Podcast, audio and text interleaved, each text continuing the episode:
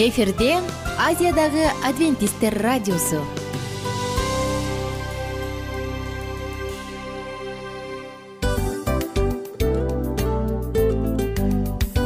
Достор салют. Баардык сүйүктүү угармандарыбызга салам айтабыз. Кутман күнүңүздөр менен.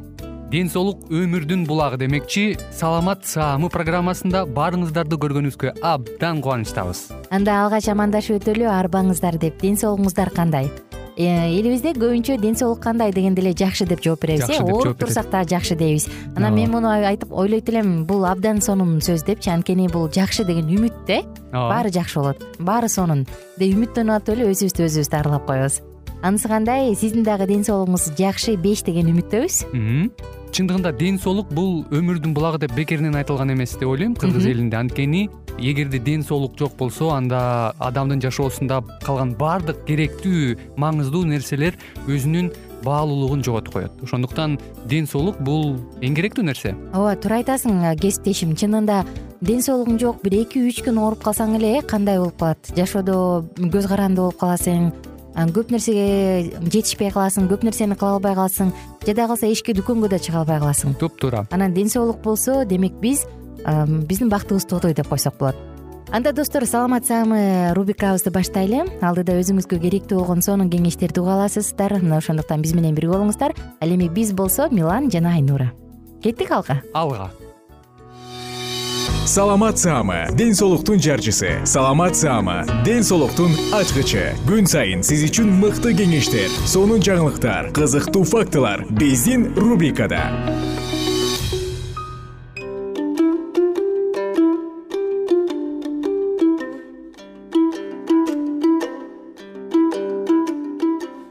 Ассалому алейкум кадырман достор. Кайрадан сиздердин назарыңыздарда ден соолуктун ачкычтары программасы бүгүнкү программабыз таңкы тамак деп аталмакчы. Деги эле таңкы тамакта ар бир адам ар кандай колдонот эмеспи мисалы үчүн көптөрү эртең менен э, төшөктөн тура калгандан кийин эле көптөгөн адамдардын тамакка болгон табити жогураак болот. Айрым эле чоң кишилер э, шашып ушуп эртең мененки таңкы тамакта э, бир чөйчөк кофе иче калышат. Ал эми атүгүл кээ бирөө бир чөйчөк кофе турсун. Бир чыны суу ичкенге дагы жарабастан ошол бойдон ач карын жумушту көздөй жөнөйт ал эми айрыкча кичинекей балдардын дагы эртең мененки таңкы тамакка алардын дагы табити тартпаарын баарыбызга белгилүү. Айрымдары мектепти көздөй шашыла жөнөшөт. Азыркы таңкы тамактын кереги деле жок деген теориялар алынууда. Биз бул ой толгоону бөлүп жарбайбыз америкалык окумуштуулардын бир тобу он жылдын ичинде эртең мененки тамактардын бир топ түрүн колдонбогон ар кандай э, курактагы адамдарга берген таасирин иштеп чыгышты. Бул изилдөөлөрдүн жыйынтыгы буларды көргөзгөн эртең менен жакшы тамактануу чоң курактагы адамдарга жардам берген сыяктуу эле балдарга дагы ачуулукту токтотууга эмгекке жөндөмдүүлүккө үйрөнүп күч кубат берет эртең мененки жакшы тамак деген эмне? Бул бир сутканын ичиндеги калориянын жок дегенде үчтөн бир бөлүгүн түзөт. Эгерде силер өз күнүңөрдү ботко менен баштасаңар мүмкүн болушунча буудай даанынан жана наныңар кесек тартылган ундан болуп бир эки алма же башка жемиштерден турса анда түшкө чейинки убакытта өзүңөрдү толук кубаттуу сезесиңер ооба чындап эле сен айтып өткөндөй айрымдарыбыз баягы таңкы тамакка табитибиз тартпагандыктан э, тура калып эле бети колду жууй салып э, жумушту көздөй айрымдарыбыз э, шашыла ач карын жөнөп калат эмеспи. Бирок мунун дагы терс жактары бар экен. Ден соолугуңуздун кыйла начарлашына дагы алып келиши ыктымал. Мисалы ошол эле учурда ашказан оорулары ар түрдүү ооруларга чалдыгып калышыңыз дагы ыктымал мисалга көпчүлүгүбүз бутерброд менен чай ичүүнүн эмнеси жаман деп ойлойбуз. Мындай таңкы тамактан клетчатка өтө эле аз ошондуктан тамак бат сиңет. Өзгөчө кант аралашкан тамактар. Жыйынтыгында кандагы канттын деңгээли көтөрүлүп кайрадан тез азаят. Бул бир нече убакыттан кийин эле адамдын кубаттуулугу кетип алсыроого алып келет эгерде силердин таңкы тамагыңар көбүрөөк клетчаткаларды камтыса мындай алсыроолор силерде эч качан болбойт. Ал эми бирок менин түшкө чейинки тамакка болгон табитим тартпай жатса эмне кылышым керек? Көпчүлүк кишилер э, жатаарда бөтөнчө телевизор карап олтурушуп алып аябай нык тоюп алышат алар уктаганы жатканда ашказандары тамакты сиңирүү менен алек болот. Ошондуктан ал эртең менен эс алууга муктаж да таңкы тамакты кабылдоого даяр эмес. Эмне кылуу керек? Э, жатаарга чейинки төрт саат кем эмес жеңил тамак. Ал турсун кечки тамактан бир нече жолу баш тартып койсоңуз да болот. Кечки тамактан кийин эч нерсе жебеңиз. Суу ичсе же бир аз жемиш жеп койсо болот ушул эки жөнөкөй эреже э, таңкы тамакка болгон э, аппетитиңизди ачат. Эмне ошондо таңкы тамактан баш тартуу мага ашыкча салмактан арылууга жардам береби таңкы тамактан баш тартуу салмакты азайтууга эч кандай жардам бербээрин америкалык окумуштуулардын изилдөөлөрү көрсөттү. Тескерисинче эртең мененки тамактан баш тарткандыктын натыйжасын кишилер ушунчалык ачыгып калгандыктан калган убакыттан кечке чейин ал ашказанын толтуруу үчүн колуна тийгендердин баарын жей берет.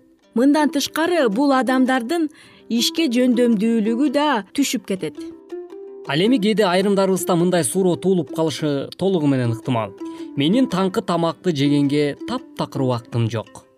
Көп адамдардын түн жарымга чейин уктабаган адаттары бар. Адамдардын көпчүлүгүндө мындай эреже пайда бербейт. Бирок ишке жөндөмдүүлүгү кечинде жогору үкү дегендер да бар экенин билебиз уйкуну жакшы кандырып эртең менен сергек туруу жана таңкы тамакка үлгүрүү үчүн эртерээк жатууга аракеттениңиз. Турганда бир стакан суу ичиңиз. Ал жумуруңузду жууп тазалап сергитип коет. Дене бой көнүгүүлөрдү жасаңыз. Спорт костюмуңузду кийип алып таза абада тез тез басып сейилдеңиз. Андан соң душка тез чайканып бой башыңызды тартипке келтириңиз ушундан кийин жөнөкөй жана мүмкүн болсо ысык тамак жесеңиз болот. Мындай режим бөтөнчө балдарга жакшы. Кечинде аларды эрте жаткырыңыз. Анткени эртең менен маалында ойготуп таңкы тамакка бүткүл үй бүлө менен катышкандай болсун. Таңкы ашты ичпөө жүрөк кан тамыр оорусу менен инсультка алып келет. Бул боюнча окумуштуулардын жүргүзгөн изилдөө жыйынтыктары журналга чыгарылды окумуштуулар бир миң тогуз жүз сексен сегизинчи жылдан баштап бир миң тогуз жүз токсон төртүнчү жылдары кырк жана жетимиш беш жаштын ортосундагы алты миң беш жүз элүү адамдын ден соолугун текшеришкен. Белгилүү болгондой адамдар ар дайым таңкы тамагын ичпей жүрө берсе ашыкча салмак топтолот. Кан басым жогорулайт. Кант диабети өөрчүйт таң эрте тамак ичпегендер арасында жүрөк кан тамыр оорусунан каза болду. Саарлап шам шум эткендерге караганда сексен жети пайызга жогору болуп чыкты. Окумуштуулар белгилегендей таңкы аштан баш тартуу милдеттүү түрдө ошол ооруларды чыгарбашы да мүмкүн. Бул боюнча азыр кошумча изилдөөлөр жүргүзүп жатат. Алар таңга маал эмнелерди жеш керектигин эскертишкен жок болгону тамактан баш тартпоону гана эсепке алышты. Таңкы тамак сиздин көңүлүңүздү көтөрөт. Ишке берилгендикти узакка сактайт. Күч кубаттын туруктуулугун камсыз кылат. Таңды жакшы тоссоңуз күнүңүз да жакшы өтөт ал эми урматтуу угармандарыбыз бүгүнкү программабыздын чыгарылышында сиздер эртең мененки азыктануу башкача айтканда таңкы тамактануу туурасындагы э, айрым бир эрежелер туурасында кеп кеңештерге ортоктош боло алдыңыздар. Ал эми сиздердин ден соолугуңуздарга кам көрүш бул ар бир адамдын өзүнүн кол алдында экен. Демек чечим сизде ошондуктан кандай болгон учурда дагы туура тамактанып жана сергек жашоого умтулалу деген тилек менен бүгүнкү программаны жыйынтыктамакчыбыз. Биздин программага назар салганыңыздар үчүн чоң рахмат. Кайрадан эфир аркылуу үн алышканча сак саламатта калыңыз. Саламат саама ден соолуктун жарчысы. Саламат саама ден соолуктун ачкычы. Күн сайын сиз үчүн мыкты кеңештер сонун жаңылыктар кызыктуу фактылар. Биздин рубрикада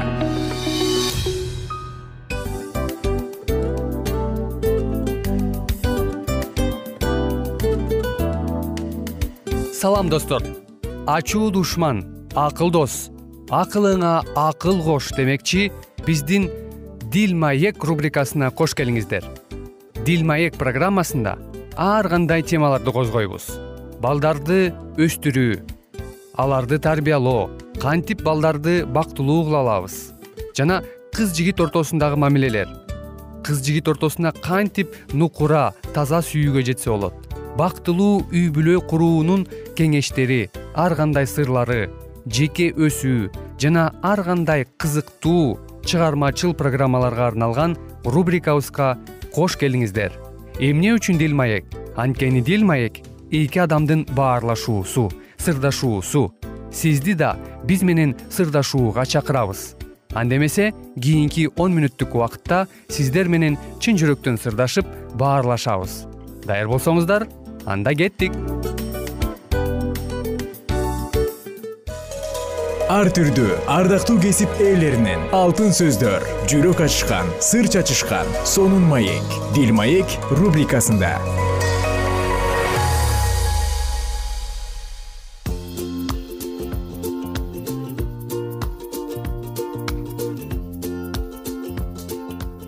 салам достор. Жалпыңыздарга дагы бир ирет салам айтабыз. Кызматыңыздарда аку жана мику. Кош келиңиздер. Биздин дил маек программаларыбызга биз биздин уктурууларда эркек жана э, кыз жигиттин ортосунда мамилелер жөнүндө үй бүлөлүк жашоо турмуш жөнүндө ар кандай суроолорду талкуулайбыз. Жана бүгүнкү биздин темабыз? Өзгөчө эмне үчүн аял кыз менен жигит достошушу керек? Алардын достошуусуна кандай кажет бар? Мына ошол жөнүндө сөз кылабыз. Эгер сиз никеге туура элек болсоңуз жаңыдан гана ушундай бир жоопкерчиликтүү кадам таштайын деп турсаңыз же болбосо өзүңүзгө сүйгөн кыз же сүйгөн жигит издеп жүрсөңүз анда билип алганыңыз абдан эле ашыктык кылбас эмне үчүн достошуш керек? Же сүйүшүп жүргөнүңүздөр болсо дагы силерге да кызыктуу болоттур. Балким сиздердин да оюңуздар пайда болсо же макул эмесмин же макулмун десеңиздер анда ютубтагы биздин подкасттарга жазылып жана комментарийлерди таштасаңыздар болот. Э, мику бала чактан эле мектепте окуп жүргөндө эле ай сенин жигитиң барбы? Сенин сүйгөн кызың барбы? Деген суроо эң эле мындай актуалдуу эң эле популярдуу суроолордун бири кошулат болушуң керек э? Анан э, орусиялык бир атайын психологдор сурамжылоо жүргүзүптүр. Ал жерде катышкандардын элестетип көр катышкандардын кырк төрт пайызы ооба менин сүйлөшкөн кызым жигитим бар деп кырк төрт пайызы айтыптыр отуз сегиз пайызы жаш өспүрүмдөр жыйырма төрт пайызы балдар кичинекей эле. Анан жыйырма пайызы жаңы гана мына эми гана достошуп баштадым дептир эгер тагыраак айтсак адамдардын токсон пайызына чейин кыз жигит болуп сүйлөшөт экен. Ооба албетте эми бул деген ушундай таттуу балдай болгон баягы бактылуулуктун бир мындай ирмемдери эмеспи. Ичиндеги көпөлөктөр мыйт мыйт этип учканда түнү бою уктабай телефон менен чукулап сүйлөшүп отурганда. Албетте азыркы убакытта элдер э, беркиндей whatsapp аны instagram анан көптөгөн социалдык тармактарды кенен кенен колдонушса биздин убакта эми биздин убакта деп эле коеюн илгерки биздин ата энелерибиз телефондор менен колдонуп бири биринен телефондорун сурушап сурашып жазышып. же кат жазышып э, кантсе дагы бул эркек менен жана кыздын ортосундагы сүйүү баягы жөнөкөй ушундай мамилелер өзгөчө бир статуска ээ албетте сүйүү бул көптөгөн ырлардын темасы көптөгөн бактылуу ирмемдердин повестьтердин Э, темасы. Бүтпөс тема э? Бүтпөс тема. Мисалы мектеп окуу учурунда же болбосо жаңы студент болгон кезде кыз жигит болуп сүйлөшкөндө менимче анда жок мен бул айым же бул мырза менен баш кошом деп мындай атайын бир багыттуу сүйлөшпөйт болуш керек. Көбүнчө жөн гана убакытты мындай шаңдуу э, кубанычтуу өткөрүш үчүн. Кийин гана чоң окууну бүтүп баштаганда мына эми турмуш жолуна аттанайын деп турган учурда ошондо ана өзүнө дааналап экинчи жарымын издей баштайт да. Ошол учурда албайлыбы э? Мисалы мына мен үй бүлө курайын деп турам мага ылайыктуу кыз же ылайыктуу жигит керек деп изденип атканда эмне үчүн достошуш керек? деги эле мындай достошуунун кандай кереги бар? Менин оюм мындай. Негизи романтикадан тышкары албетте көбүнчө ушундай мамилелердин э, негизи көбүнчө убактысы романтикалык аспекттерге берилет. Э, кол кармашып кучакташып жытташып гүл беришип дегенде албетте бунун баары керектүү бунун баары өз ордунда бар.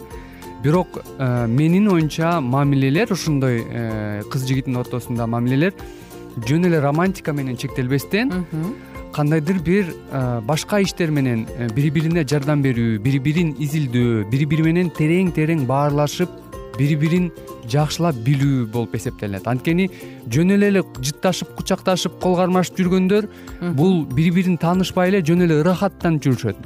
Албетте ырахаттанууга көп убакыт дагы бар. Эгерде баш кошушуп жакшы болуп калса анда өмүр бою бири бирин изилдеп жүрө беришет а бирок э, ушундай дружбанын же ушундай мамиленин бир максаты бири бирин изилдеп э, бири бирине дал келишеби бири бирине бактылуу кыла алышабы деген суроолорду кенен изилдеп чечишип анан текшерип көрүш керек менимче.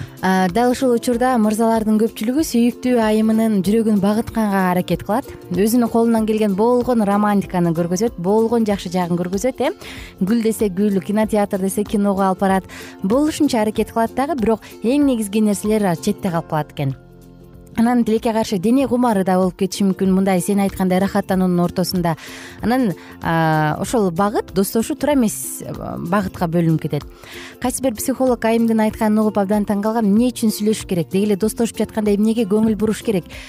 Туура жакшы идеалдуу үй бүлө курулушу үчүн эмне кандай баалуулуктарды эске алыш керек дегенде ал айым биринчи эле кезекте ошол адам кудайдан коркобу деги эле мындай жаратуучу бар экенине ишенеби дейт. Бул биринчи орунда турушу керек дейт. Элестетип көр эгерде ал кудайдан коркпогон адам болсо анда кийин ал сени жыргатпайт деп эле ачык айтат да. Анан карап отуруп чындыгында бул сөздүн ачыктыгы бар. Жүрөгү ыйманга толбогон баягы албетте э, ушундай руханий күчтүү негизи жок болсо келечекте физикалык кумарлык баары өз ордун алып алат да. Туура мен макулмун. Анан экинчи кезекте дейт ошол адам менен сиздин баардык жактан көз карашыңар бирби дейт. Мындай жашоодогу олуттуу нерселерге карата көз карашыңар бирби дейт да. Бул дагы чоң маанини ойнойт дейт. Анан керек болсо сүйлөшүп жүргөндө үй бүлөдө акчаны ким кармайт кайсы жака канча сарптайбыз? Үйдө ким тамак бышырат үйдөгү тартипти ким кармайт? Үйдө ким кожоюн дегендин баардыгын ачык сүйлөшүп алган оң дейт ошол сүйлөшүп жүргөндө анткени сенин баалуулугуң менен анын баалуулугу экөөңөрдүн үй бүлөңөрдөгү баалуулук биригип ошондо даана көрүнөт. Анан жаңы мамлекет курулат дейт. Эгерде сүйлөшүп жүргөндө анын баарын көмүскөдө калтырып коюптуруп анан үйлөнгөндөн кийин жок үйдө моундай болуш керек десеңиз анда чыр чатак чыгышы мүмкүн дейт. Аку мындай кепти уктуңуз беле көбүнчө ошол аялдар айтышат да биз э, бири бирибиз менен э, достошуп баягы үй бүлө курганга чейин менин жолдошум абдан романтик абдан э, ушундай периште болуп жүргөн анан экөөбүз баш кошуп алгандан кийин эле баягы адам жок бир жылдайын жок дейт. башкача адам азыр болсо мен тааныбаган башка бирөө менен жашап жүрөм дейт. Баш кошконго чейин бир адам азыр болсо такыр башкача адам дейт ошондой кеп тилекке каршы абдан кеңири таралган бул дагы дагы дагы ушундай мамилелердин керектүүлүгүн айтат да. Менимче биз буга чейин сиз айтып кеткендей кумардануу романтикага берилип бирок негизги нерселерге көңүл бурбай а кийин ушул үй бүлөдө баары өз ордуна турат дегендер бул абдан чоң ката менимче. Андан тышкары менин оюмча эң эле туура болуп бул эгерде эки жаш чын эле баш кошом деген кадамга түшсө акыркы ушундай жолго баратса анда алар сөзсүз түрдө бир мындай сабактарды алыш керек. Беш алты сабак болобу он сабак болобу бир тажрыйбалуу адамдар үй бүлөлүк психологбу же тажрыйбалуу адамбы же ушундай руханий бир лидерби иши кылса бирөөдөн билген адамдан силер эмнеге барып атасыңар үй бүлөнүн максаты эмнеде? деген нерселерди түшүндүрүш үчүн ушундай бир сабактарды өтүш керек деп ойлойм. Менимче мындай практика абдан жакшы анткени мен билем. Батыш өлкөлөрүндө бул практика бар. Анан ошондой үй бүлө курам деп сабак өткөндөрдүн арасынан көбүнчө үй бүлөлөр чын эле күчтүү анан жакшы үй бүлөлөр болуп бекен болот э? Анан алардын ичинен дагы баягы экөө сүйлөшүп жүрүп анан ошондой сабактарды өткөндөн кийин жок биз бири бирибизге дал келишпейт экенбиз болбойт экен деп кетип калгандар бар. Бул дагы туура менимче бул да жакшы анткени үй бүлөнү куруп алып анан өмүр бою бактысыз жашаган бул туура эмес. Ооба туура айтасың. Демек э, сүйлөшүп жатканда менин атам көп айтып калат да. Э, эркек бир туугандарым көп болгондуктан эмнеге үйлөнгөн атасың? Биринчи ошону бил дейт да. Эмнеге үйлөнгөн атасың? Ал сага тамак бышырып кир жууп үйдөгү э, үйдү тазалыкта кармаш үчүнбү? Же эмне үчүн үйлөнгөн атасың? Бирөөнүн убалына калбаш керек деп көп айтып калат. Ооба. Анан чындыгында бул абдан иштейт. Демек үйлөнөрдүн алдында мырза мен эмнеге үйлөнгөн атам жана аял э? Мен эмнеге турмушка чыккан атам деп кыз өзү үчүн дагы аныктап алган жакшы. Андан кийин эгерде баягы плюс минустардын баарын санап көрүп туруп минустар көбүрөөк болуп кетсе демек ал убакыт келе элек баш кошууга анда кое эле турган жакшы. Эгер ал адам сени сүйсө анда күтөт болуш керек. Эгер сүйбөсө анда кой деп кете берет анан тилекке каршы азыр көп учур бар э? Мисалы бир жигиттин үч сүйлөшкөн кызы бар. Анан үйлөнөргө келгенде э, эки балык суу ичти деп санап отуруп анан аягына келген үйлөнөт да бул өтө эле туура эмес кадам деп айтмакмын мен. Эгер үйлөнө турган болсоңуз анда бул нерсеге олуттуу караган жакшы. Бир кыз менен сүйлөшүп же болбосо бир эле жигит менен сүйлөшүп анан ал сизге дал келеби же жокпу ошону изилдөөгө? Сөзсүз түрдө. Ар бир чечимди даанышмандык менен кабыл алыңыздар жана жакшылап ойлонуп эгерде мен үйлөнөм турмуш турмуш курам десеңиздер анда сөзсүз түрдө ойлонуп көрүңүздөр. Дагы бир жолу анткени үй бүлө куруш аста аста бактылуу болуш жок. Тескерисинче. Чанда чанда. Жок. Бактылуу болуш аста аста ажыраш бир баста үчүн жаштар ийгилик сиздерге бактылуу болуңуздар. Бул микунун жаңы жыйырма биринчи кылымдагы макалы болду. Баарыңыздар менен амандашканча сак саламатта калыңыздар. Кайрадан алдыңкы уктурууларда угушабыз. Ар түрдүү ардактуу кесип ээлеринен алтын сөздөр жүрөк ачышкан сыр чачышкан сонун маек дил маек рубрикасында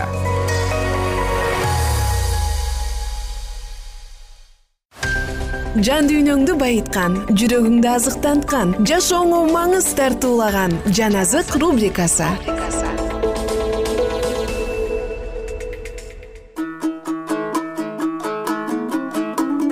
Саламатсыздарбы достор. Сиздер менен улуу күрөш китебин улантабыз. Биз бул инжилди бул жакшы кабарды кабыл алабыз. Жана ишеним боюнча берилген убадаларга жетебиз. Ошентип мыйзам адилеттиги биздин ичибизде. Ыйса машаякка ишенүү менен аткарылат. Инжилдин башкы душмандары деп сөзүн улантат убайсле булар мыйзамды ачык айкын эле бузушуп жана аны соттоп жатышкандар.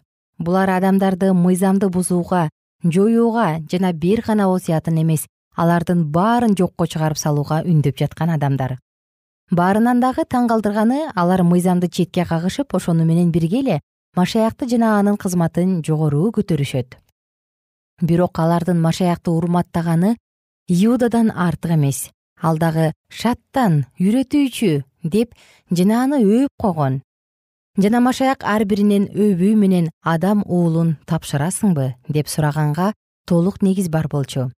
Эгерде алар анын төккөн каны жөнүндө насаат айтыша турган болсо жана ошол мезгилде аны жакшы кабардын ийгилиги болгон өз таажысынан ажыратышса эмне алар ошону менен аны өбүү менен тапшырып берип жатышкан жокпу. Бул айыптоолор чындыкты жарыялоо менен түздөн түз кудай мыйзамдарын бузуп жаткан адамдардан алынып ташталбайт. Инжилди насааттоо мыйзамдын бардык талаптарын аткарат деп өз жактаганын бербеген адамдарга уэсли мындай деп жооп берген. Биз толугу менен бул нерселерден баш тартабыз. Анткени күнөөлөрдү жана жардын кырында уктап жаткан адамдарды айыптай турган мыйзамдын эң жогорку белгилери аткарылган жок. Элчи павел мындай деп айтат. Мыйзам аркылуу күнөө таанылат. Адам өз күнөөкөр экендигин сезбей турган болсо анда ал адам куткарылып алуучу ыйса машаяктын канына муктаждыгын сезбейт. Машаяк өзү мындай дейт. Дарыгерге соолор эмес бирок оорулуулар муктаж ошондуктан дени сактарга же өздөрүн ошондой деп санагандарга дарыгер сунуштоо туура эмес. Силер аларды алды менен алар оорукчан экендигин билишиңер керек. Андай кылбай турган болсоңор алар силердин камкордугуңарды баалап билише албайт. Кимдин жүрөгү эч качан туталанып оорубаса аларга машаякты сунуш кылуу акылсыздык болуп саналат. Ошентип уэсли кудайдын ырайымы болгон жакшы кабарды насааттап өз насаатчысы сыяктуу мыйзамды жогору көтөрүп жана аны даңазалаган ал өзүнө тапшырылган ишти ак ниеттүүлүк менен аткарып жана өз эмгегинин соңун жемиштеринде суктанып караганга мүмкүнчүлүк алган. Ал сексен жаштан ашык убакыт өмүр сүрдү жана алардын жарым кылым убакытын жакшы кабарды насааттоого арнаган. Ал көп саякаттап анын жолдошчуларынын саны жарым миллион адамга жетти. Жана качан гана куткарылган бардык үй бүлөлөр кудайдын падышачылыгында чогулганда гана анын үзүрлүү эмгегинин аркасында күнөөнүн түпкүрүнөн канча деген адамдар таза жана жогорку өмүргө көтөрүлүп жана анын окутууларынын аркасында терең жана бай руханий тажрыйбаларга жетишкендигин биле алабыз. Анын сүргөн өмүрү ар бир ишенген адамдар үчүн баалуу сабак болуп эсептелет. О азыркы мезгилдеги жыйындарга ушул ыйса машаяктын кызматчысынын ишеними момундугу таалыкпаган аракети керт башынын кызыкчылыгын ойлобогон берилгендиги кандай гана жетпей турат. Он бешинчи бап. Мукадас жана француздардын революциясы. Реформация он алтынчы кылымда адамдарга мукадасты ачып европанын бардык өлкөлөрүнө кирүүгө аракет кылган. Кээ бир мамлекеттер аны асмандын жарчылары катары кубануу менен кабыл алышты. Ал эми папалык бийликтер тоскоолдук кылган жерлерде мукадастын жогору көтөрүүчү жарыктарынын таасири эч кандай тартыла алган жок. Бул бапта айтып өтө турган мамлекетти чындыктын жарыгы жарык кылган. Бирок караңгылык дагы анын алдынан кеткен эмес. Бул эки күчтүн ортосундагы болгон күрөшүүлөр жүздөгөн жылдарга созулган. Акыры жамандык жактырылып кабыл алынгандыктан асман чындыгы алар аркылуу баш тартылган. Айыптоочунун маңызы болсо мындай дүйнөгө жарык келди бирок адамдар караңгылыкты жарыктан артык көрүштү. Анткени алардын иштери жаман болчу. Жана бул калк өздөрү тандап алган жолдогу жемиштерин чогултуусу керек эле. Кудай рухунун кармап турган күчтөрү анын ырайымын кабыл албай койгон адамдардан тартылып алынды. Жамандык өсүп өнүгүүсүнө кудай жол берди жана өз эрки менен кудайдан баш тартуу эмнеге алып келе тургандыгын бардык адамдар көрүшкөн франциядагы мукадаска каршы күрөшүү жүз жылдарга созулуп жогорку деңгээлине революция башталган мезгилде жетишкен. Ушундай коркунучтуу күч алуулар рим аркылуу ыйык жазуулар басылып калганда гана көрүнгөн. Бул согуш папалык саясаттын миңден ашык жылдар убакытында рим чиркөөсү аркылуу көргөзүп келген жыйынтыгын көргөзүп турат. Папанын башкарып турган мезгилиндеги ыйык жазуулардын кысымга алына тургандыгы пайгамбарлар аркылуу алдын ала жазылып калтырылган жана ян аян китебинде францияга өз таасирин калтырган күнөө адамын бийлиги жөнүндө айтылган. Теңирдин периштеси алдын ала мындай деп айткан. Алар ыйык шаарды кырк эки ай тебелеп алышат жана менин эки күбөмө зумбал жамынып бир миң эки жүз алтымыш күн пайгамбарлык кылууга кубат берем алар өздөрүнүн күбөлүгүн бүткөндөн кийин түпсүз туңгуюктан чыккан айбан алар менен согушуп аларды жеңип өлтүрөт. Жана рухий жагынан содом менен египет деп аталган улуу шаардын көчөсүнө алардын өлүктөрүн таштап коет. Жана жердеги жашоочулар алардын өлүмүнө сүйүнүшүп кубанышып бири бирине белектерди беришет. Себеби бул эки пайгамбар жердеги жашоочуларды кыйнашкан эле. Бирок үч жарым күндөн кийин аларга кудайдан өмүрдүн руху кирди жана алар экөө тең буттарына турушту. Жана аларды карап тургандарды өтө чоң коркунуч басты. Ардактуу айымдар жана мырзалар сиздер менен улуу күрөш китебинен дагы бир кызыктуу үзүндү окуп өттүк. Жалпыңыздардын жашооңуздар баталуу болсун дайыма тазалык чындык жашооңузда бийлик кылып турсун ал эми сиздер менен убактылуу гана коштошобуз. Кийинки уктурууда окуянын уландысын биз менен бирге тыңдаңыз. Бар болуңуздар. Мына ушинтип убакыт дагы тез өтүп кетет экен биз дагы радио уктуруубуздун аягына келип жеттик. Келип кубандырдыңар эми кетип кубандыргыла деп тамашалап калышат эмеспи? Анысы кандай? Радио баракчабызды программабызды азыр эле баштап аткандай болдук элек мына соңуна келдик э? Негизи убакыт э, билинбей өтүп кетет экен? Мен дагы убакыт дегенде бүгүн бир адам менен сүйлөшүп калдым. Анан убакыт бул мүмкүнчүлүк деп айтып өзүмө өзүм айтып алып анан мага өзүмө эле кайра ачылыш болду да чын эле. Э, карап отурсаң ошол эле жыйырма төрт саат ошол эле жарым саат кайталанып атат бирок сендеги мүмкүнчүлүк жок ошол кой берилип кетти? Анысы кандай? Бүгүнкү сонун убактыңызды алтындай болгон жарым саатыңызды бизге бөлүп арнаганыңыз үчүн ыраазычылык айтабыз анан жашооңуздун кайсы бир сферасын өзгөртө турган сонун пайдалуу кеңеш алган болсоңуз анда биз максатыбызга жеттик. Анан ушул нерсени кылбасам десеңиз ошол өзгөрүүлөрдү кичинекей кадамдардан баштап иш жүзүнө ашырыңыз дагы жашооңузда чоң чоң ийгиликтерге жетиңиздер. Чын жүрөктөн ар бир берилген кеңештер сөздөр сиздерге пайдасын алып келет деп ишенебиз. Жана кийинки уктурууларда сөзсүз түрдө чыдамсыздык менен сиздерди күтөбүз сагынычтуу салам айтып кайрадан дал ушул жыштыктан баардыгыңыздарды тосуп алганча кызматта мен айнура жана кесиптешим милан анда кол булгалайбыз жалпыңыздарга ийгиликтүү күн. Саламатта калыңыздар